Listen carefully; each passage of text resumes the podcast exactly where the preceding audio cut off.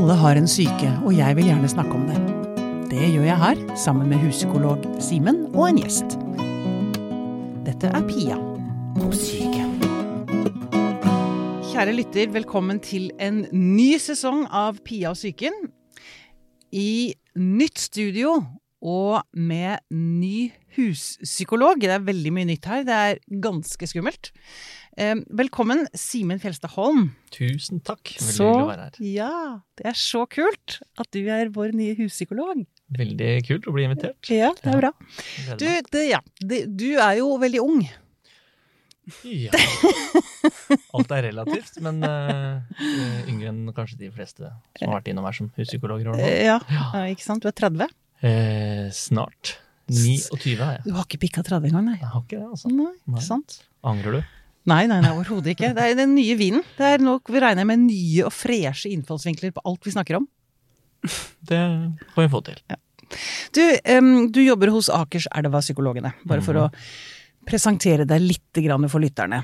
Um, og du er terapeut, så du har holdt på å si kunder, pasienter. Mhm. Du, hva er det du syns er um, det morsomste med ditt fag? Intet mindre. Bare for å begynne ordentlig stort. Mm. Jeg tror jeg alltid har hatt med meg, når jeg ser tilbake i hvert fall, en sult for uh, å forstå det, det menneskelige. Alltid vært ganske nysgjerrig som type.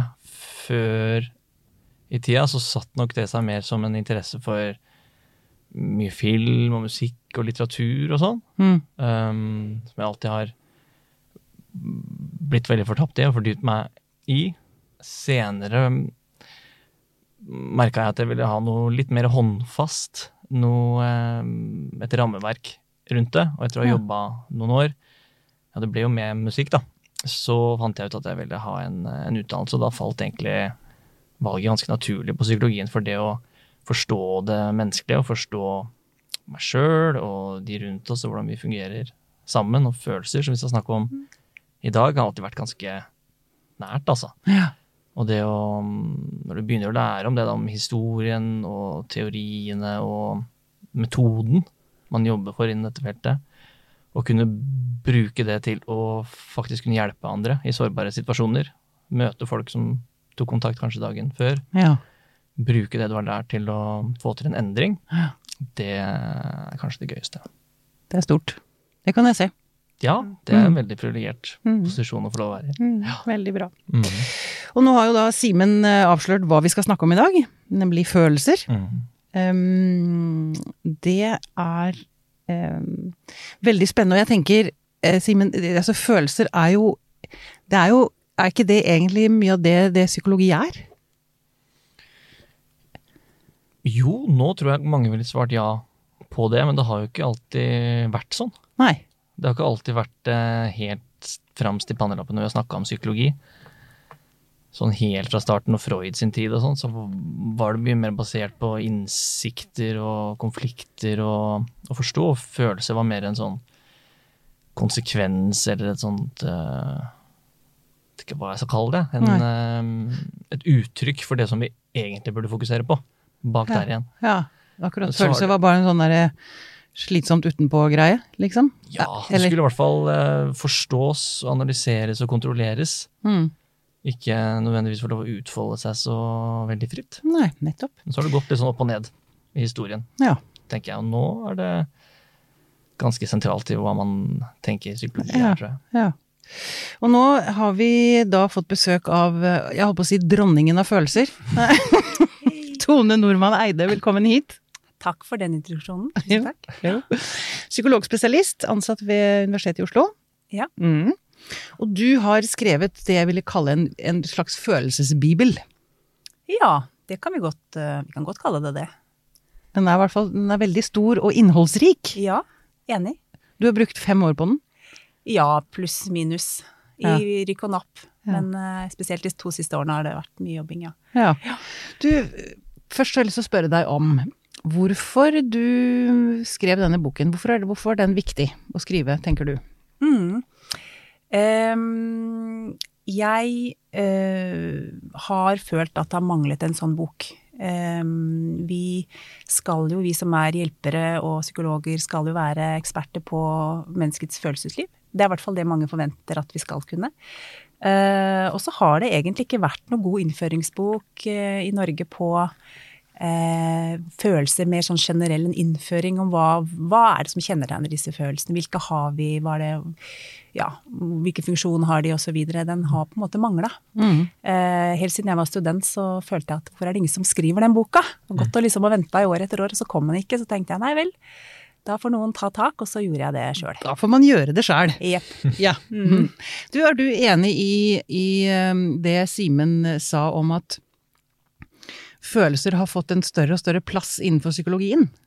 Er det, snakker han sant? Nei da. Ja.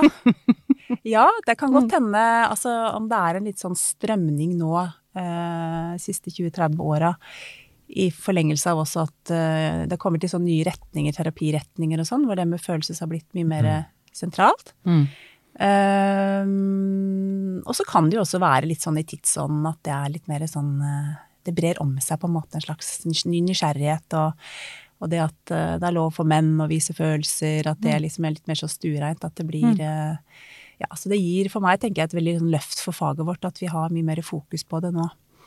Eh, ja. Hvorfor, spørsmål til dere begge, hvorfor har det tatt så lang tid for følelsene å liksom få plass? Hvorfor, hvorfor likte ikke Freud dem?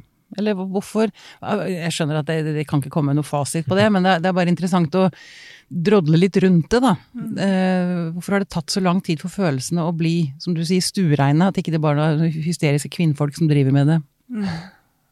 Han var jo en uh, rasjonalitetens mann. Han ville forstå det og analysere det, og heller bruke det som en inngang til, til innsikt. Men jeg vet ikke om det nødvendigvis har vært en sånn stigning helt fra hans tid um, og fram til nå. Kanskje litt mer som en pendel. Å ja. det, sånn, I hvert fall i sånn amerikansk psykologi på, på 60-tallet og 70-tallet og sånn, så var det jo skulle være mer friflyt. At man Katarsis, at følelsene måtte bli sluppet fri. og Man snakket jo bokstavelig talt i parterapi og slo hverandre med sånne plast, eh, plasthamre. og det var primalskrikterapi, hvor du skulle skrike ut om moren din. og Det, det var altså dette var i USA på John Lennon, for eksempel, var i sånn primalskrikterapi. Han, han lagde en låt som heter Mother, hvor han blant annet bare skriker Mother en god del. Hvor han da trodde at det å få kontakt med primalfølelsen og skrike de ut, mm. skulle gi en sånn katarsis, en forløsende effekt, da. Ja. Som, ja, så kjenner jeg drømmer litt om det. Det hadde vært veldig deilig. Mm. Å ha én time og så bare slippe taket, og så er du frisk. Samtidig så er det kanskje noe av det som har gitt ikke sant, følelsesfokus et litt dårlig rykte, òg, fordi man tenker at det å, å liksom ha eller vise følelser handler om å på en måte miste litt kontrollen på dem, eller eh, gi det et sånt kraftfullt uttrykk at eh, det ja, kommer litt ut av kontroll. Og det i hvert fall tenker jeg er viktig poeng i min bok også, at det, det er jo ikke nødvendigvis det det handler om heller. Eh, Det, av og til så er det vel så viktig å være i kontakt og kunne regulere følelsene versus å liksom eh, la de vilt liksom få, få utløp, da. Mm. Så, så det er jo en del som fortsatt forbinder litt sånn ja, noen, ty- også det at noen typer følelser eh, virker litt sånn eh, truende eller ubehagelig, ikke sant? at det også har vært noe som gjør at det er noe mange vil unngå, da. Mm. Mm. For, for, forlengelse av det der um, Hvorfor, eller er det viktig å kjenne sine egne følelser? Eller jeg har lyst til å si at det er det jo selvfølgelig, men kan vi snakke litt om det? Hvorfor er det viktig? Og, og det er vel også litt lett å bli lurt av sine egne følelser. Nå er det to, to spørsmål på en gang her. La oss ta det første. Hvorfor er det viktig å kunne kjenne følelsene sine? Ja. Forholde seg til dem? Åh, det er mye å si om det. Um, Ja, vi har god tid, Ja. så bare snakk i vei. Ja. Nei, så eh, det er jo også litt sånn ulike teorier, ikke sant, og sånn på dette, men hvis vi skal gjøre det, prøve å gjøre det litt enkelt, eh, så kan vi tenke oss at følelsene våre inngår i et, et, et slags system eller et stort apparat vi har i, i oss, på lik linje som kanskje immunforsvar eller noe, et, noe vi trenger, som vi er avhengig av. Eh, en ting er rent sånn fysiologisk for å overleve, eh, men også for å mer sånn psykologisk å orientere oss i verden, da. Ehm, og at disse følelsene, alle disse ulike følelsene våre, har, innehar liksom ulike signaler eller budskap som eh, på en måte skal fortelle oss noe om hvordan, hvordan, vi har det, hva vi ønsker oss, hvilke behov vi har. Så de skal hjelpe oss på en måte til å være litt i kontakt, og kunne også be om det vi trenger. Eh, sånn at de kan motivere oss til å gjøre ulike ting, da. Ja, for det er drivkraften, det husker jeg leste, det leste jeg i boka di, at det er Ja. liksom det som gjør at vi gjør ting. Riktig. Det er følelsene som ligger bak som en sånn drivkraft i hele livene våre, egentlig. Ja. Mm. Så vi trenger det følelsesapparatet da, med alle sine nyanser eh, til å, til å rett og slett handle og fungere i verden. ikke sant? Og det motsatte vil jo være at man ikke har kontakt med følelser, og dermed så blir man bare tom og tiltaksløs og apatisk. Sånn at det er en veldig viktig motivator, da. Eh, både de gode og også de dårlige, litt dårligere følelsene eh, kan fungere sånn. Eh, også I tillegg så er det en tredje ting som også er veldig viktig, og som noen forskere har vært veldig opptatt av, og det er jo at følelsene våre også har et kommunikativt aspekt. Altså vi bruker jo veldig mye følelser for å kommunisere. Vi snakker jo gjennom følelser, eh, kroppsspråk, ansiktsmimikk. Vi har en fantastisk, eh, et ansikt som kan uttrykke utrolig mye. Gester, kroppsholdning. Eh, sånn at, man kan, sånn at det å kommunisere gjennom følelser er jo også en veldig viktig måte, og det har det egentlig alltid vært. Og helt fra barnet er født, så er jo det det språket det har til rådighet. Da. Mm. Sånn at eh, det at vi er eh, kommunikative som mennesker og er på en måte orientert mot å, å søke kontakt, eller der bruker vi følelsene våre som et veldig viktig eh, system, da. Mm. Er det sånn at eh, vi er eh, Altså, jeg, jeg tenker at vi, vi vil veldig gjerne være rasjonelle vesener. Mm. men er det ikke sånn at følelsene faktisk er mye mer delaktige i avgjørelsene våre enn det vi liker å, å anerkjenne? Mm. Det er i hvert fall en del uh, Det er ja. teorier som går på det. ja. Mm. Det er en del uh, litt sånn spennende sånn nevropsykologiske forskere òg, som har jo, liksom forsket litt på dette. og Jeg tenker på Damasio, for eksempel. En, mm. Antonio Damasio som har forsket på mennesker som har hjerneskader, ervervede hjerneskader. Mm. Og som bruker sånne kasuseksempler med en som f.eks. fikk en hjerneskade som, eh, som rammet på en måte sånn følelsessenteret i hjernen. Eh, og hvor han helt mistet retningssansen, bokstavelig talt. Altså han, han klarte ikke lenger å fungere Altså han var tilsynelatende, klarte å tenke og snakke og alt sånt, men han klarte ikke lenger bruke følelsene sine som en motivator eller noe som kunne hjelpe han. Eh, sånn at eh, Men når du sier han mister retningssansen, hva, hva legger du i det? Eller, det er ikke sånn at han ikke klarte å finne veien i byen, Nei, liksom, men men mer sånn- retningssansen i mellommenneskelige forhold? Ja, og Mm. i livet. Det å liksom kunne ta valg, for eksempel, eller vite hva han skulle velge, gjøre noe som var bra for seg eller ikke, og sånn. Ja. Eh, sånn at eh, ja, sånn, øh, så han, men han klarte riktignok å tenke, da, men han klarte ikke lenger handle så hensiktsmessig. Nei. Eh, Det sier jo faktisk ganske mye om hvor viktig disse følelsene er. ja, Det er rett og slett en veldig, veldig stor del av, person, altså av, av den vi er, liksom. ja. Og uten følelser klarer vi nesten ikke å eksistere. Nei. Og hvordan vi tenker nå, ja, men også hvordan vi forstår oss sjøl tilbake i tid. Mm. Du har med et eh, fantastisk sitat i boka di, eh, som jeg husker det ordrett, at affekt er biologi, men emosjoner er biografi. Mm. Kan ikke du Å, det, det, Mm. ja.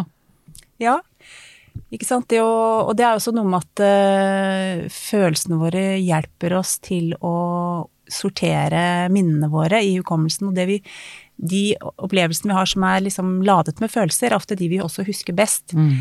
Sånn at uh, hva vi husker er ofte litt sånn emosjonelt ladede situasjoner, og det har vi jo med oss i livene våre da, og hjelper oss også å, å styre unna ting vi kanskje har opplevd tidligere som vi ikke vi vil ha igjen. ikke sant? At følelsene minner oss på um, ja, ting som har vært bra og dårlig, og ting man uh, vil ha med seg videre.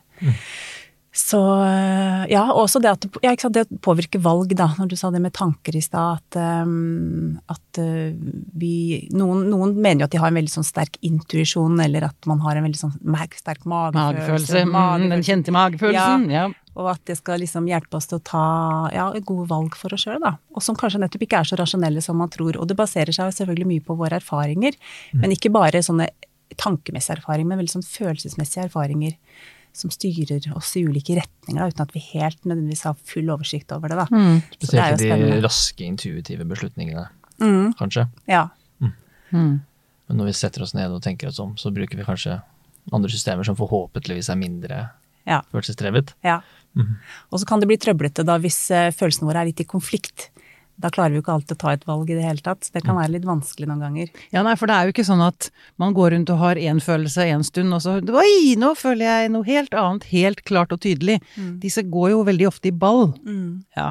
Og er det ikke egentlig eh, eh, Eller nå skal jeg prøve å ikke stille så ledende spørsmål, men det vil si dette blir ledende. Um, Er det ikke sånn at det er akkurat når følelsene krasjer mot hverandre, eh, at de setter seg fast, at man får et problem med psyken? Er det Ja, det kan være en måte å, å se det på.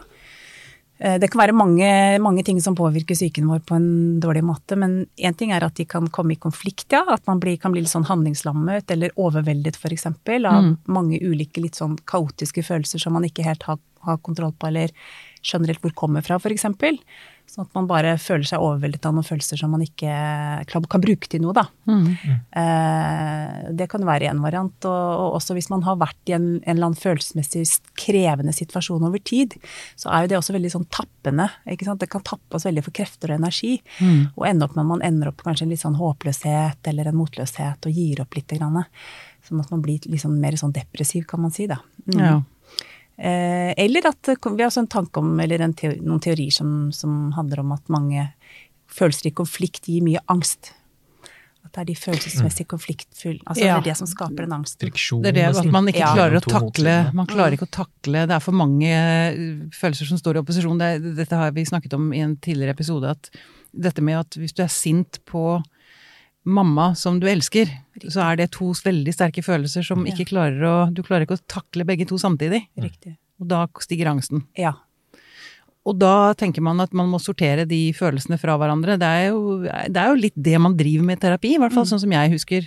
Eller mm. som jeg har hatt i terapi da når jeg har vært der. Mm. Mm. Og noen terapiretninger er jo opptatt nettopp av det at uh, man skal kunne klare å håndtere det å ha konfliktfylte følelser inni seg s- samtidig, uten å bli overveldet av dem. Mm. Men da er man jo også litt avhengig av å skjønne litt hvilke det er, og hvor de kommer fra, og hvorfor det er vanskelig. ikke sant? At, eh, men at man, hvis man klarer å tåle at jeg kan, jeg kan faktisk eh, elske et menneske eh, samtidig som jeg er sint på det, Ja. at det er ok. Eh, betyr ikke at du er et dårlig menneske, f.eks., selv om du har de også litt negative følelser overfor noen du er glad i. Mm. Så for noen, noen terapiretninger er det et veldig viktig liksom, ja, prinsipp eller et mål å, å klare, da. ja. Ja. om må kanskje alltid ligge der, og da heller å øve på toleransen for det, istedenfor å prøve å få løst det opp. ja. Og tåle det. Det er det de må tåle sine, sine egne følelser, og akseptere dem. Mm. Mm. Er det sånn at noen er født med mer følelser enn andre? Vi snakker om hypersensitivitet, hypersensitive mennesker. Mm. Eh, betyr det at de har mer er det, er det noen som er født med mer følelser? Og, og hvordan måler man det? Mhm. Ja. De, de mener jo det at eh, vi kaller det litt sånn på fagspråket for temperament, at man har litt ulikt temperament. Mm. Eh, Det er det mye som tilsier at vi har fra starten av. At, eh, og det går også på emosjonalitet, ikke sant. At man er raskere, altså reaktive. Man reagerer raskere med sterkere følelser, f.eks. Mer intense følelser. Noen barn gjør det, mens noen er mer liksom rolig slow to warm up, som man sier. ikke sant? De, de, det bruker, tar litt lengre tid før det kommer noe. Terskelen før du fyrer. Terskelen er før du fyrer er mye lenger, ja. Og det kan vi nok mange av oss ha med seg gjennom livet, og det ser man jo med søsken òg. Hvor forskjellig man kan bli.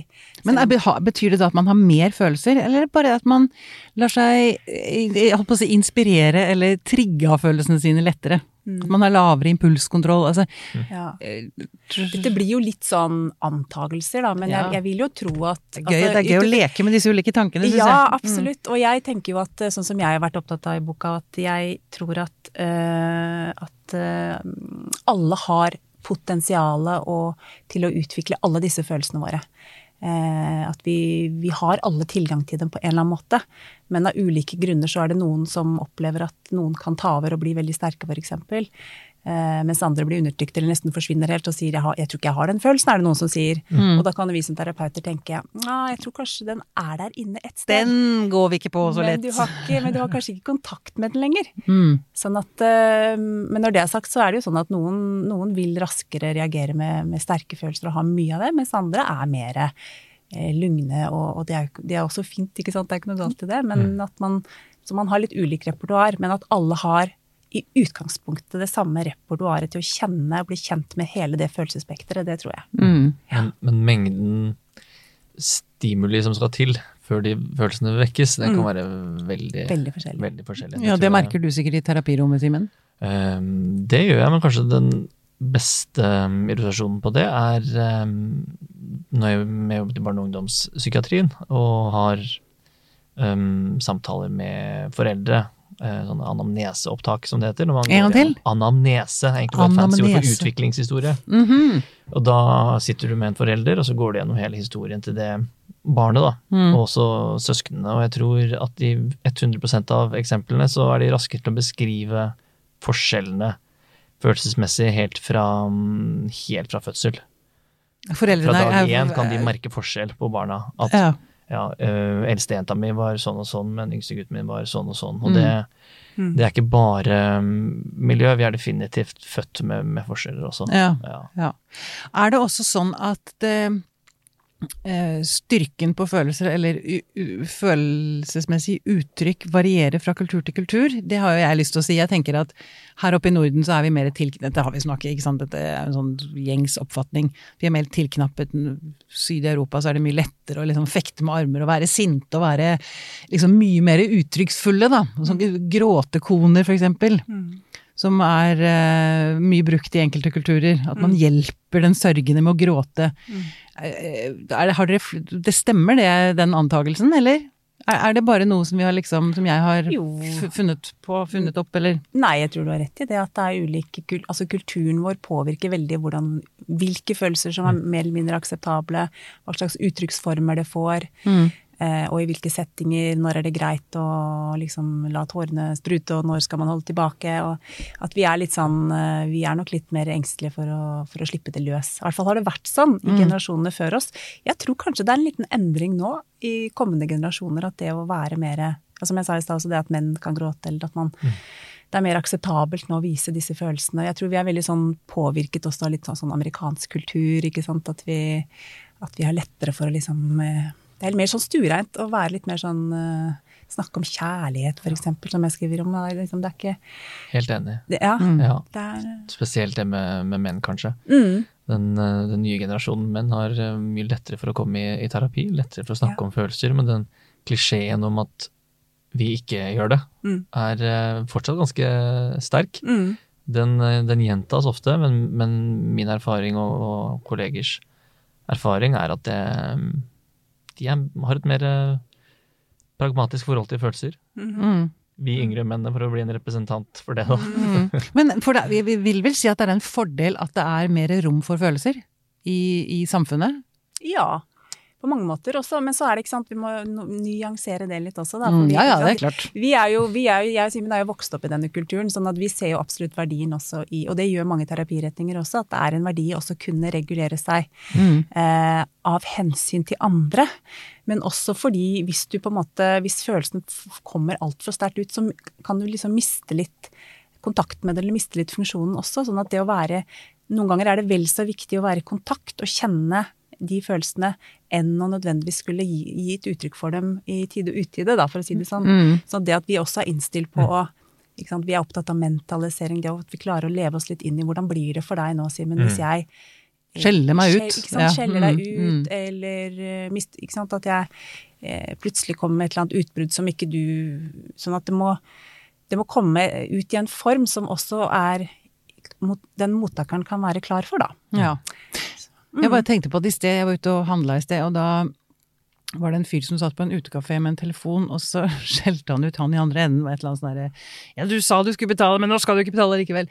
Og så bare merket jeg at jeg det, For meg så det, det er noe så- som om noe løsner litt. Altså det, det blir litt mer fargerikt. Ja, du liker det litt. Jeg er litt glad i det. Jeg, ja. jeg, jeg, eh, jeg er ikke så- jeg-. Ja, men jeg, jeg, er ikke noe, jeg er ikke noe glad i å bli skjelt ut, det er ikke det jeg sier. Eh, Men jeg, jeg på å si, jeg, jeg vil heller det, å se et, et eh, tydelig uttrykk for en sann følelse, enn passiv aggressivitet, eller at, at, det liksom, at det skal pakkes inn da, for enhver pris, med stive smil, og Mm. at man lukker seg inne, Mm. og dermed ikke blir kjent. For følelser handler jo om kontakt Mm. med andre, seg selv og andre. Mm. Og det er klart, i en kultur hvor, hvor det er på en måte litt mer sånn vanlig å skjelle hverandre ut, da, litt sånn, at man kan liksom la det gå litt sånn og, Uten at det blir så veldig sånn stor big deal av det, Ja, liksom. så er kanskje det Og da vet man at det roer seg, og så er man liksom Mm. venner igjen, og så kanskje man til og med gråter litt på skulderen og sånn. Men eh, i vår kultur så, så er det nok terskelen litt høyere, og vi er nok litt reddere kanskje for den litt sånn sterke følelsen fortsatt. Mm. Og, og så er det, jeg er ikke så sikker på at det alltid liksom kjennes Det kan kjennes veldig godt der og da, å liksom lesse av seg litt, skjell skjelle ut en eller annen person. Men om det egentlig løsner noe sånn på sikt, da, sånn som vi som er terapeuter holder på med, om det Mm. egentlig er en løsning sånn på sikt, det er jeg litt usikker på. Nei. Men at det kjennes godt å liksom kaste, liksom ra, la alle følelsene slippe ut, ja. Av og til ålreit, men av og til også ålreit å se om man klarer å regulere, holde litt igjen og, og ja. Og for noen ganger kan det jo gjøre vondt verre også. Å skjelle ut et eller annet menneske, og så går man hjem og så bare kjenner hva er det jeg har holdt på med nå, ikke sant. En eller annen uskyldig person i trafikken, eller Mm. som fikk gjennomgå for noe du egentlig, som handler egentlig om noe helt annet, for eksempel. Ja. Så, Er det kanskje mer meningsfullt å snakke om en familiekultur enn Mm. uh, kultur um, på tvers av nas- nasjoner eller etnisitet? Mhm. Fordi forskjellene kan jo være ganske ekstreme mm, i samme nabolag, med mennesker med samme hudfarge og alt mulig. mm, Men forskjellene fra dør til dør kan jo være vel så store, mm, ja. omtrent. Så mm, i parterapi for eksempel, da, så kan du ha to stykker fra helt samme kultur, kanskje til og med samme nabolag, men deres familiekultur kan være helt forskjellige hva gjelder eh, følelser. Mm. Toleranse for følelser, Mm. uttrykk for følelser. Hva er konflikt, og hva er bare vanlig middagsprat. mm, Mm. Det tror jeg kan være kilde til vel så mye forvirring og miskommunikasjon, da. Ja. Ja. ja. Mm. Og i noen familier så kan også et, et eller annet ideal om å ikke snakke om følelser eller ikke forholde seg til følelser, også ende opp i ganske sterke følelsesmessige utbrudd, eh, som kan være veldig skremmende også for eh, Sånn at man har en eller annen tanke om at vi snakker Eller vi her i, følelsen, her i vår familie snakker vi ikke om følelser, vi viser ikke følelser. Eh, men i praksis så, så opplever kanskje de barna som vokser opp der at eh, ja, det er sånn, men, men vi vet på et eller annet punkt at det kommer til å sprekke, eller at, eh, at følelsene kommer litt ut av kontroll. Da. Så blir liksom Eller at de formidles på en annen måte. enn Ja. Hun kan si kanskje nettopp det mens eh, øynene dirrer Dirrer, av sinne, for eksempel. For eksempel. Ja. Ja, og da snakker vi, det er miskommunikasjon. Altså man ser at det ligger sinne der, men det blir ikke egentlig uttrykt. Og det blir jo veldig sånn dobbeltkommunikasjon Absolutt. mot et barn som Ja. Det er et spørsmål her. Så det, Mm. det, det stemmer, det. Ikke Mm. sant? At det, det handler om å liksom kommunisere mm, sant, på en eller annen måte. Mm. Men samtidig regulere. Ja. Så ikke For hvordan skal det barnet da kunne ha et fornuftig og konstruktivt uttrykk for sinne i voksen alder Ikke selv, sant. Når, Ikke det, sant. når det er modellæringen som den har vokst opp med. Mm. Ja. Mulig vi skal snakke litt mer om dette når vi kommer til, til eh, sinne. Fordi Mm. jeg, jeg har bare lyst til også altså, Du å si, har valgt uh, å skissere tolv følelser. Du Mm. tenker at det er tolv følelser. Og jeg har bare lyst til å skyte inn her at uh, som egentlig alt med psykologi, så er det, det handler jo om teori, teorier, dette. Vi Mm. har jo ikke noe fasit på noen ting. Det er teorier og tankemodeller og Mm. og liksom noe man kan bruke til å navigere litt. Ja. Men du har valgt tolv følelser, hvorfor det? Ja, så det er jo litt inspirert av litt ulike tradisjoner. Ehm, men eh, jeg eh, har tatt litt utgangspunkt i noen typer teorier, også det som er skrevet mye om både litt sånn klinisk og fra normalpsykologien. Ehm, og da er det jo litt sånn at eh, man, kan, man skiller gjerne mellom noen litt sånn basale, prima, primære følelser, som liksom, noen snakker om de seks store, kommer en kanskje skal snakke om det seinere, vet ikke, men en som at det er liksom noen vi har med oss sånn helt sånn fra naturens side som vi på en måte er født med, og som kommer veldig tidlig til uttrykk hos barn. Eh, Som alle pattedyr eh, har? ja, som vi har til felles med alle pattedyrene, som er veldig sånn, tenkt sånn evolusjonsmessig, at det, er, det sikrer overlevelse og sånn.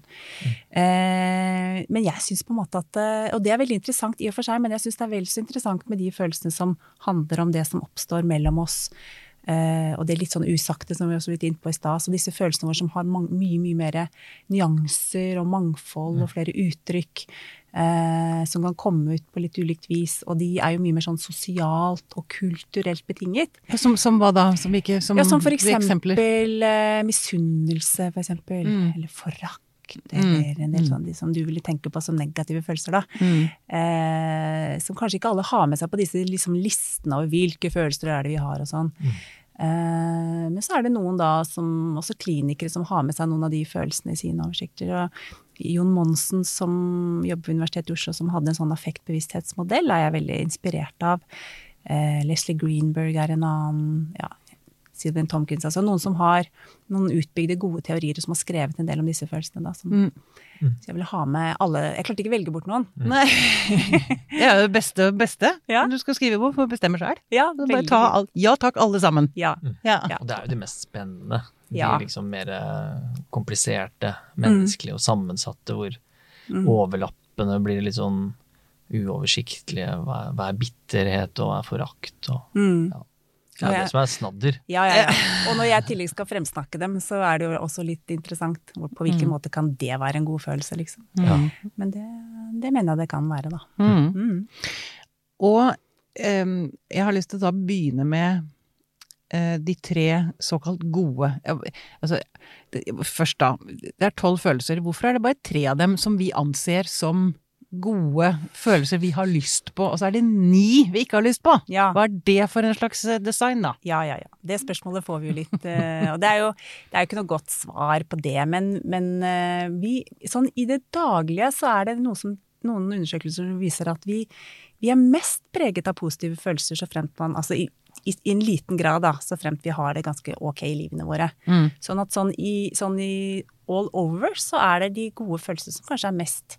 Ikke sant? Det at vi ler veldig mye, vi har mye tilgang til glede og sant? drevet mye av interesse og sånne ting. At vi er, det er ofte de følelsene som på en måte er mest, kanskje aller mest tilstedeværende.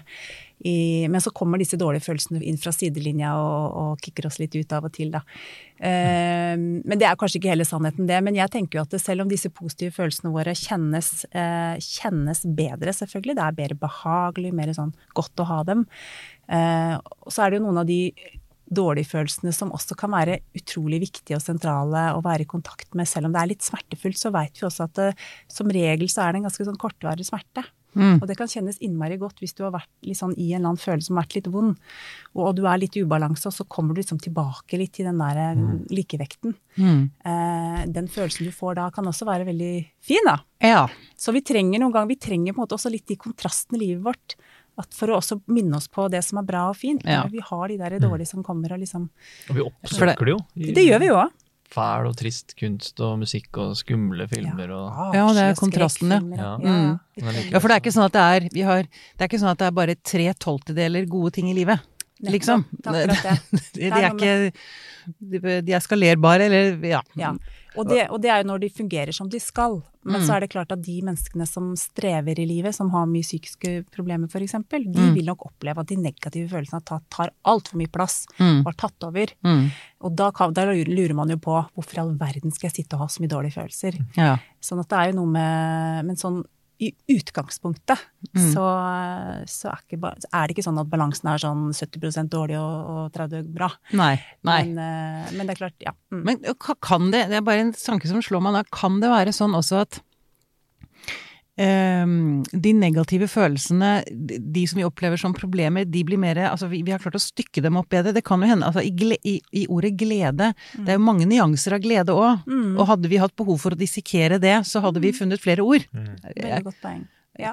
Kan det være der òg? Ja. At eh, Mm. det er derfor det er flere ord for negative følelser? Ja, så når vi er glad, så har vi ikke lyst til å begynne å komplisere Nei, ikke sant? det og ta det fra det, hverandre og se hva delen er. Da vil Nei. vi bare være glad. Ikke sant? Det er ikke noe, det er ikke noe vits å analysere det, for da er alt på stell. Mm. Når, vi, når vi er triste og redde, så setter vi oss ned med Da er det plutselig, da må vi finne ut av akkurat nyansen på Mm. den vonde følelsen. Og det, ikke sant, det kan være for eksempel en følelse som jeg da har valgt å kalle kjærlighet, da, som, er, som har et veldig spenn fra liksom den der eh, veldige forelskelsen, som jo er en veldig spesiell tilstand, til den kjærligheten du har for et barn. Mm. Og de fleste av oss vil jo klare å kjenne forskjellen på, de følels- på den tilstanden, men det er på en måte en del av det samme følelseskategorien, om du vil, da, Mm, ikke sant. sånn at det har det kan være Ja. mange ulike tilstander på en måte selv innenfor samme kategori, om du vil. da. Ja, nettopp. Nettopp, Brukte nettopp det, egentlig. følelsessystemet, lurer jeg på om du kalte Ja. det? Ja. Ja. Følelsessystemet, ja. Mm. Det, ga mening. Ja. Mm. Hvis du også har lyst til å lage podkast, så må du ta kontakt med oss i podkastbyrået Tid og Lyst. Vi holder til på Grünerløkka og har verdens hyggeligste studio, som selvfølgelig har nydelig lyd. Det kan du jo høre. Vi er dessuten skikkelig gode på innhold og produksjon. Send en mail til pia at tidoglyst.no, så snakkes vi. Og bare for å si hva de tre positive er, da, Ja. så er det kjærlighet, interesse og glede. Yes. Bare så vi får satt det ned. Jeg skjønte nå at jeg må kanskje si det. Sånn, eh, disse tre er vel ganske gjensidig eh, forsterkende, altså de henger veldig sammen. Mm. Um, for man kan vel Ja, man kan kanskje ha interesse uten å ha glede? Kan man det? Ja, man kan kanskje det. Mm. Ja, Ja. jo.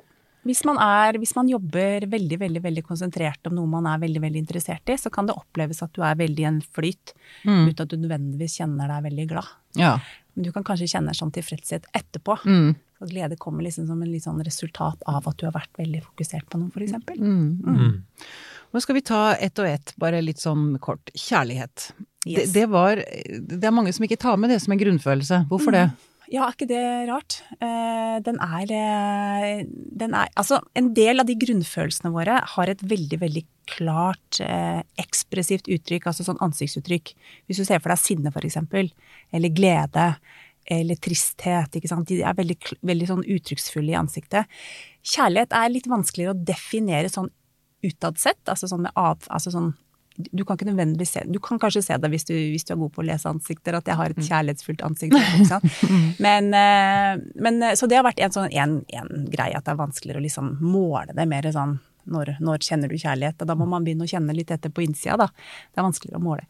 Eh, Det kan være en forklaring. Men det er jo ingen, altså verken legfolk eller fagfolk som, jeg vil jeg tro, da, som vil benekte at det er en reell følelse som vi mennesker har og kan kjenne og utvikle. Eh, og som er et ekstremt eh, sentralt mm, sånn mellommenneskelig fenomen, da. Ikke sant? Det er noe av det som gjør at vi knytter oss til hverandre. Så den er kanskje den aller, aller mest grunnleggende følelsen vi har. Ja, og jeg tenker vel at når det er fravær av den, det er da man Så da går man fra å, å leve til å bare eksistere, på en eller annen måte. Ja, og vi i Den kjærlighetsfølelsen som, som jeg også skriver om, det, jeg skriver en del om tilknytning også i denne boka. og Mm. den, Det springer på en måte litt ut av den der tidlige tilknytningen. Mm. Og i, den, i de årene der så kan det jo oppleves eh, Så kan det veldig mye også gå galt. Eh, Men så lenge den eh, det, tilknytningen går bra, at man får en sånn trygg tilknytning, så gir det veldig sånn grunnlag for at den kjærlighetsfølelsen da får liksom vokse og gro, og at man, at man kan eh, ja, bli jeg håper å si et godt menneske, men at man også er i kontakt med andre følelser på en bedre måte. For det, slår, det slår så veldig feil ut, det der hvis man ikke eh, Du skriver jeg, 'gjennom deg føler jeg meg betydningsfull'. Mm. Det syns jeg er et veldig fint uttrykk. Um, og hvis man ikke får Hvis man ikke føler at man er betydningsfull for sine omgiv... Altså sine foreldre, da. For å, så må jo det legge så Altså det, det, det skaper et så utrolig vanskelig grunnlag for å fortsette. Du, man er uelskbar, og dermed mister man vel også evnen til å elske. Mm. Man blir redd for det, eller man forstår det ikke. Man kan det kanskje ikke. Kan man, kan man rett og slett ikke få opplæring i kjærlighet? Altså, Mm. altså Mm. man mangler den opplæringen det er å elske. Absolutt. Og for sånn som Simen og jeg som har jobbet en del med pasienter med ulike former for personlighetsforstyrrelser og personlighetsproblematikk og sånn, så er jo nettopp det der med hvordan den tidlige tilknytningen kan gå litt galt, hva slags uttrykk jeg kan få senere. For noen kan jo ende opp i å nesten skru av hele det systemet, apropos. Skru av og, og, og forholde seg som om de ikke, verken er elskbare, men heller ikke er i stand til å elske, Mm. fordi de ikke har den erfaringen Mm. Og, og blir veldig engstelig eller veldig, sånn, trekker seg veldig sånn tilbake og lukker seg til. Det er én variant. En annen variant er jo at man kan bli så desperat etter den kjærligheten. For man har kanskje fått det i glimt, og så blir man så desperat og søker etter det i å si, alle, alle steder at man, man er sånn stadig vekk på jakt og knytter seg til mennesker kanskje på en litt sånn destruktive måter, og det kan bli veldig sånn besettende kjærlighet på en måte. da. Mm. Så det kan være en annen variant som kan, være, som kan få ganske store konsekvenser. Mm. Så ett eksempel på det. Du, ja, og du, um, du skriver i boka di om et begrep som jeg ikke hadde hørt før. Erotomani. Ja, Ja, det leste jeg også om. Nydelig, nydelig begrep. Ja, fantastisk. Ja. Ja. Fortell om noe. det. Du kan ikke bare si det uten å forklare hva det er. Nei. Det- Dette var et altså- fint ord, nå går vi videre.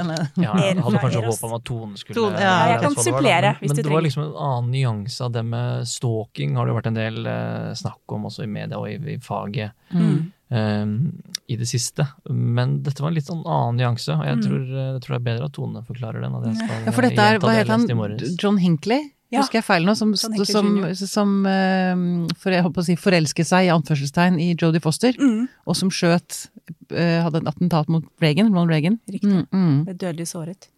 Som et bevis på, på den kjærligheten eh, Altså Det som er interessant med erotomi, kanskje til motsetning til stalking, er at dette er jo kanskje nesten en form for vrangforestilling, en ekstrem tvangstanke.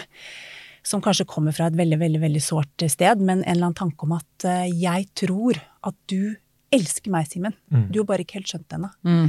Sånn Jeg må vekke deg. Ja, jeg må, virke, jeg må gjøre alt jeg kan, sånn at du Litt liksom nesten psykotisk nivå. liksom. ja, nesten Mm, sånn. mm. Eh, og det er jo, jeg tenker um, Det er ikke alltid de er i kontakt nesten med den smerten der, men sånn utenfra sett så virker det jo eh, nesten litt sånn absurd og, og veldig Jeg syns det er veldig sånn trist at noen mennesker kan ende opp der. At de, at de eh, kanskje da men det er sånn dynamisk tenkning, da, at det er et eller annet at ikke de har fått noe særlig av det tidlig i liv. Ikke sant? Så blir man Mm. helt besatt av det. Du sier det litt om, om, om kraften i det systemet i oss. Ja, da. Det ja. må festes Mm, på et objekt. på et objekt, ja. Ellers så. Ja. eh, ellers så kan vi ikke ha det fint Ja. med oss sjøl. Nei. Ja. Og du, hva, hva, tenker du på at det må festes for at det skal, for at det skal manifesteres på en eller annen måte, da? Ja, så vi Du har kan ikke bare ha, ei, ha den følelsen inni deg, men det må ja, vi har, ut. ja, det må festes på et eller annet. Hvis vi ikke har et, et um, objekt å feste kjærligheten vår på, så um, kan vi ende opp med å um, kanskje bli erotomane, er det det du ville kalt det? Eller uh, kanskje at du vender den kjærligheten innover og blir uh, veldig Narsissistisk? Ja. Mm, Mm, det er én måte å forklare det på. absolutt. Men um, jeg tenker alle disse vrangsidene av kjærlighet viser på en måte kraften i det, da. Og Mm. liksom det urmenneskelige i det. Vi er så innstilt på tilknytning og det å, Mm, å være tilkoblet noen. Mm. Enten om du vil se det i, med liksom evolusjonsbrillene på, eller med psykoanalysebrillene på, Ja. så kan i hvert fall alle være enige om at det er en Ja. urkraft. Så jeg skjønner godt at du begynner boka med det. Ja, og jeg hadde så lyst, og når jeg skrev den boka, at det var veldig fort gjort å ende opp med å tenke at alle de positive følelsene er bare positive hele tiden, og alle de dårlige er bare dårlige hele tiden. Men så er det noe med nettopp ta inn de nyansene at selv de positive kan ha vrangsider. Ja. Så det kan også bli destruktivt hvis det er ja, for eksempel behov som ikke har vært møtt. Da. Mm. Og at kjærlighet, syns det var morsomt å lese om det, ikke sant, erotomi, at selv, det kan ha et eh, ganske komplisert eh, uttrykk når ikke det blir eh, møtt. Da. Mm. Så um, mm. Ja, jeg har lyst til å bare også dette med, du, du skriver ganske mye om dette med tilknytning. Mm. Eh, og det merket jeg Jeg kjente at det var, som, som- det var, det gjorde, det var vondt, men, altså godt, men også vondt å lese. Fordi jeg vet ikke om alle har det sånn, at man kan kjenne på at ah, der manglet det. Den, den fikk jeg ikke. Mm. Der gikk det gærent for meg. Mm. Eh, det var veldig Det, det, det, var Ja. Um, jeg, jeg måtte det, det, det tok meg, liksom. Ja, den biten der. Ja, og at vi drar Altså- med oss det kanskje litt mer enn vi kanskje håper å si, noen ganger er klar over, eller sant. ønsker også. At vi drar med oss det gjennom livet i form av sånne tilknytningsmønstre. Da. Ja. Hvordan jeg relaterer meg til andre voksne nå, eksempel, Mm, er veldig fargelagt av det jeg har hatt tidlig i livet. mm, Og det, det er lettere å, å gjøre noe med det når man er bevisst det, men man må liksom starte der og forstå litt hvordan var dette for meg, og fikk jeg det jeg trengte, og mm, uh, hvorfor går jeg med dette savnet inni meg, eller denne veldig lengselen etter noe. Mm. Eh, Hvorfor får jeg det ikke til? ja, hvorfor får jeg ikke til? Gjør jeg Hva er det som gjør Hvorfor trekker han seg unna? Hvorfor går hun sin vei? Hvorfor ja. blir hun så sint på meg? Altså. Masse sånne Ja. mm, Mm. Mm, Men sånn som Simen sa, altså den kraften som ligger i den der veldig behovet for kontakt, mm. altså den er så utrolig grunnleggende i oss. Og, og det, det viser seg jo også at mennesker som eh, har gode venner, gode relasjoner, er klare å være i et stabilt forhold osv., har ofte En ting er at de rapporterer høyere livskvalitet, men de lever også lenger. Sånn Mm. på gruppenivå. Sånn at det å liksom ha tilgang til noen mennesker i livet sitt som man har knyttet seg til, da, Mm. Det er, eh, det er en ganske Man- stor bestanddel av det å være et menneske også. Ja, ikke sant. Være god på tilknytning, det funker. Det funker. Det burde vi alle øve Det er seg vi på. for! Ja. Og du, du, skriver også om um, broken heart syndrome ja. i dette kjærlighetskapitlet. Og ja. det er jo egentlig bare å ta seg en tur på, på gravlunden for å forstå hva det er. Mm. Fordi hvis det er to datoer på en stein, så er de slående ofte tett Ganske tett på. på. Ja, ikke sant. Ja, altså hvis man virkelig har elsket noen som forsvinner, så orker man ikke Da mister man livskraften selv. Og at det faktisk rent fysiologisk også, da hjertet slutter å slå. Hjertet slutter å slå. Ja, altså hvis du da har levd med en livspartner over 50 år, Mm. kona di dør, Mm. og så sitter du igjen enkemann, og så går en uke, og så slutter hjertet til å slå. Det bare gir opp. Det gidder ikke mer. Mm. Eller gidder ikke, det var veldig feil. Ja. Flåsete sagt. Men orker, vil, du har bare ikke lyst til å Ja. slå mer. Mm. Så den metaforen om eh, et knust hjerte blir eh, plutselig noe, blir- noe helt annet. Veldig Ja. Ikke sant, ja. Det er jo, ja, det der hjertesymbolet er jo, ikke sant, vi, vi slenger om oss, hva heter det? Ja, nå er det, Nå er det hjerter, flyr hjerter i hytt og Ja, mm. Men Mm. vi har alltid også brukt nettopp det der, det der hjertesymbolet som går i knas når man har hjertesorg, Ja, ja. kjærlighetssorg og sånn. At det Mm. er et, ja, rent fysiologisk et bilde på hjertet vårt, altså.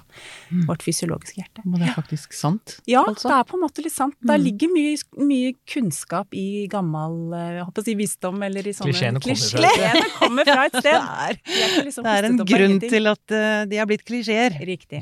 Er Og veldig vanskelig å skrive om kjærlighet uten å bruke for mye av dem òg. Det kjente jeg var litt eh, Ja. fort gjort å begynne med litt floskler der. Og det, er, det virker som at i, faglitteraturen før det standardverket som du har kommet ut med nå, så har man ofte delt opp litt med Mm. en sånn tilknytningskjærlighet som gjerne blir illustrert med, med mor-barn, og seksuell lyst. Mm, blir liksom delt i to. mm, Her har du favna alt det mm. i ett Ja. kapittel. Mm. Blir jo litt sånn kortfattet da når jeg skal ha alt inn der, men Mm. uh, i hvert fall som en liten sånn smakebit, så har jeg Mm. tatt med alt der. Mm. Vi snakker litt grann om de eh, to andre også, interesse og glede. Mm. Eh, Det var så interessant å lese hva det faktisk betyr etymologisk. Altså det kommer fra latin å være blant, eller å være imellom, leste jeg også. Hvilket ord? Interesse. Interesse. å være blant. Ja. Å være blant. Det syns jeg var så kult, Ja. for det, det, det, det, det beskriver ordet så godt, da, Mm. syns jeg. Mm. Interesse. Interesse, ja. ja. Mm. Og, og jeg har lyst til å snakke litt om Maslows behovspyramide der, som du også trekker frem i boka di. Mm. Fordi det kan jo jeg kjenne når jeg sant, Når man går på det mer basale, ok, akkurat med søvn og mat og sånn, det, det er greit, det er dekket. Men hva var det neste steget opp der fra, fra Jeg lurer på om det er behov for sånn beskyttelse og Ja, eh, der var den. Eh, trygghetsbehovet, Mm. det er nivå nummer to. mm. Og da snakker vi eh, om å liksom ikke være i krig. Eller snakker vi om å bare føle seg generelt trygg i livet? Føle seg trygg i å ha, ha Ja. et trygt sted, f.eks. et sted å bo, eller et sted å være hvor man er ivaretatt. Ja. Men re, også rent psykologisk, sånn som jeg forstår det, da. ja. Men uh, Sikkerhet, beskyttelse. For det, dette kan jo f.eks. hvis man har økonomiske problemer. mm, Da er vel det nivået der rammet. Ja. Og er det sånn da at altså, Fordi interesse ligger da på, helt på toppen, ikke sant, på Mm. selvrealisering. ja, på en måte. De øverste nivåene der. Ja, For jeg kan tenke at når jeg sliter eh, økonomisk, eller ja, da mm, faller interessen for andre ting. Riktig. ja. Og det er så vondt. Ja. Det er akkurat som man mister litt sånn liv, livet, liksom. Mm. Det er som om verden bare blir sånn ah, whatever. Ja. Og det, er, og det er sånn vi, vi tenker litt i, i behandling også, ikke sant. At man kan ikke sette seg veldig sånn eh, langsiktige, litt sånn ambisiøse mål hvis man ikke har et hjem. Eller hvis man Nei. ikke sover eller ikke spiser. Mm. Så man må begynne å liksom ha fundamentet litt på plass Mm. først. Mm. Og så kan man begynne liksom å realisere ting Ja. og drømmer og sånn. Men det er noe med noe som Sosialarbeidet må være på plass før du begynner med terapi. Riktig. Og de Ja. punktene over deg på pyramiden vil framstå som Ja, helt helt me meningsløse. liksom. Ja. Og dette vet jeg, dette har det vært snakket om. Mm. Eh, eh, når man snakker om rusproblematikk, eksempel. Ja. Du kan ikke begynne å, å, å behandle rusen før du får orden på alt det andre. Mm. Du må Mm. ha en base. Må ha en base. Du må ha en base. Ja. Mm. Mm. Ja. Og så um, er det jeg må si, det siste glede. Er det noe gøy å si om glede? Det er hilsen eh, det, er liksom Det er så Ja, vi vil alle være glade! Ja, Ja. glede er vi for. Ja. Ja. Hva heter det? Delt glede er dobbelt glede. Dobbelt glede, ja. Det må jeg ha med. ja. Ja, men det er jo den følelsen de fleste jakter etter. Og jeg har tatt med litt sånn om lykke der òg, for det har det vært så mye snakk om. Mm. Ikke sant, lykke var det, og sånn der jakt etter å skulle ha et lykkelig liv og sånn. Mm. Mens glede er jo ofte en følelse som er mye mer sånn spontan. At man, sant, at man plutselig bryter ut i latter av noe og deler den følelsen. Det er jo så herlig den smitteeffekten der Mm. i en sånn følelse. Mm. Som, eh, som jo også er på lik linje med kjærlighet også en sånn lim i, i relasjoner. At man, man deler gode opplevelser, eksempel. Mm. Og innledningsvis så beskriver du um, hvis jeg skulle riktig litt mer sånn stemning eller humør som ligger litt sånn bak der som en bakgrunn, og så kan følelsene være på en måte bølgetopper og daler Mm. i, i, i framgrunnen av det, da. Mm. Og det med glede og lykke, da blir det litt sånn utflyttende for meg. Er det på en måte en, en stemning, noe som vedvarer over tid, som ikke svinger så innmari, eller er Mm. Ehm, eller er det de intense øyeblikkene som du beskriver? Altså Går det an å, å kjenne varig glede? Jevnt over, liksom? Mm. Ja, jeg tror kanskje noen vil si at de sånn jevnt over er ganske tilfredse. Tilfredse. Men ikke sånn at de går sånn er sånn lykkelig hoppende glad hele tiden. Det Nemlig. tror jeg nesten er umulig å få Ja, til. Man må jobbe litt òg. Ikke sant? Man kan ikke bare leve det glade liv Ja, kan jo kanskje det, men på et eller annet måte så må man jo ha noe fundament og noe alvor i livet sitt og nettopp Mm. for å skape de kontrastene. Da. Ja, det er vel litt sånn altså, på å si paradisiske tilstander. Det er jo ufattelig kjedelig. Det skjer jo ikke en dritt. Mm. Nei, Så kan ikke bare gå rundt og være tilfreds. Da får man jo ikke kontrastene som vi snakker om. Nei. Og er det egentlig Er det en ekte tilstand? Ja, er er det bare en sånn gjennomsyra fornektelse? Liksom? på eh, sånne jeg tenkt noen ganger, da, på litt Ja, sånn ja. Ja. backpacker-type steder. Ja. Eh, Mm. Så er det liksom Og også det å være, selv om jeg har forelskelse under, jeg har plassert forelskelse under kjærlighetskapitlet, så er det jo også noe med at det er jo, det er jo også ganske energikrevende å være i en veldig affektert tilstand, om du nå er veldig forelsket eller veldig, veldig glad, så kan du, man kan bli ganske sånn sliten etter en uh, kveld på byen og ha hatt det veldig gøy. Ja. Kanskje andre bare grunner fordi, bare fordi du er glad? Ja. Ja, det er. Men jeg syns Jeg er veldig mye glad. ja, ja. Men jeg syns lykke er mye vanskeligere å, å definere sånn klart. Ehm, og det er For det er vel mer blaff. Altså det det, det tenker jeg er forskjellen på lykke og glede, eller tilfredshet. Da. Den kan, li- tilfredsheten kan ligge under der som en sånn grunntone, mens Mm. lykke er mer sånn, ja, sånn sol, soloppgangsfeelingen. Ja. Og altså, jeg tror vi går oss litt vill i de begrepene også. Det går litt om hverandre om vi kaller det lykke eller glede. Men at hvis man tenker lykke som det mest sånn, som du er inne på, mer sånn intense, ekstatiske varianten av det. Mm. Mens glede kan også være sånne sant, latter og, og sånn, men også det mer sånn rolige, tilfredse, nå er jeg fornøyd. Det som jeg sa i stad, som kan være sånn sluttproduktet av f.eks. å ha gjort en innsats eller mestret noe, eller Mm. den følelsen man får da at Mm. åh, dette fikk jeg til, nå kan jeg liksom sette meg ned og kose meg med ja, hva det må være, en god bok eller glass vin eller hva man vil. Mm. Mm. Så det kan ha en annen ro over seg, en slags harmonisk tilstand hvor man er mer sånn content, altså til Plass. Mm. Um, nå har jeg tenkt å begynne å avrunde denne episoden, men uh, det, det glemte jeg å si innledningsvis, at Pia og psyken, vi har nå tenkt å jobbe, Simen og jeg har uh, bestemt at vi har tenkt å jobbe mye mer tematisk. Mm. Så nå skal vi ha en, en lang periode, eller vi skal ha kanskje en måned, vi får se hvor mange episoder det blir per overskrift, per tematikk. Og denne måneden, denne gangen, det, denne perioden, så handler det altså om det er følelser som er overskriften. Mhm. Ja. Fordypning er bra. Fordypning, ja. Det er noe med å få lov til å la tankene Denne langsomtiden. Få lov til å snakke ferdig om ting. Det trenger vi i disse dager. Vi gjør det. Ja. Jeg også tenker det. Så eh, vi har ikke tenkt å slippe tak i Tone riktig ennå, nemlig. For vi har tenkt å, vi har tenkt å um, snakke med henne videre om følelser. Og i neste episode så skal vi gå dyppe ned, dykke ned i mørket. Da skal vi ta tak i alle de vonde, grusomme, fæle følelsene. Men jeg tenker vi skal få ledd litt da òg. Det, det blir ikke det er, Vi går ikke ned i depresjon av å snakke om de vonde følelsene. Nei, tvert imot. Det er jo, kan det være forløsende. Deilig. Ja, ja. Ja, veldig bra. Simen og Tone, tusen takk for denne gang. Eh, Vi snakkes snart igjen. Takk for nå.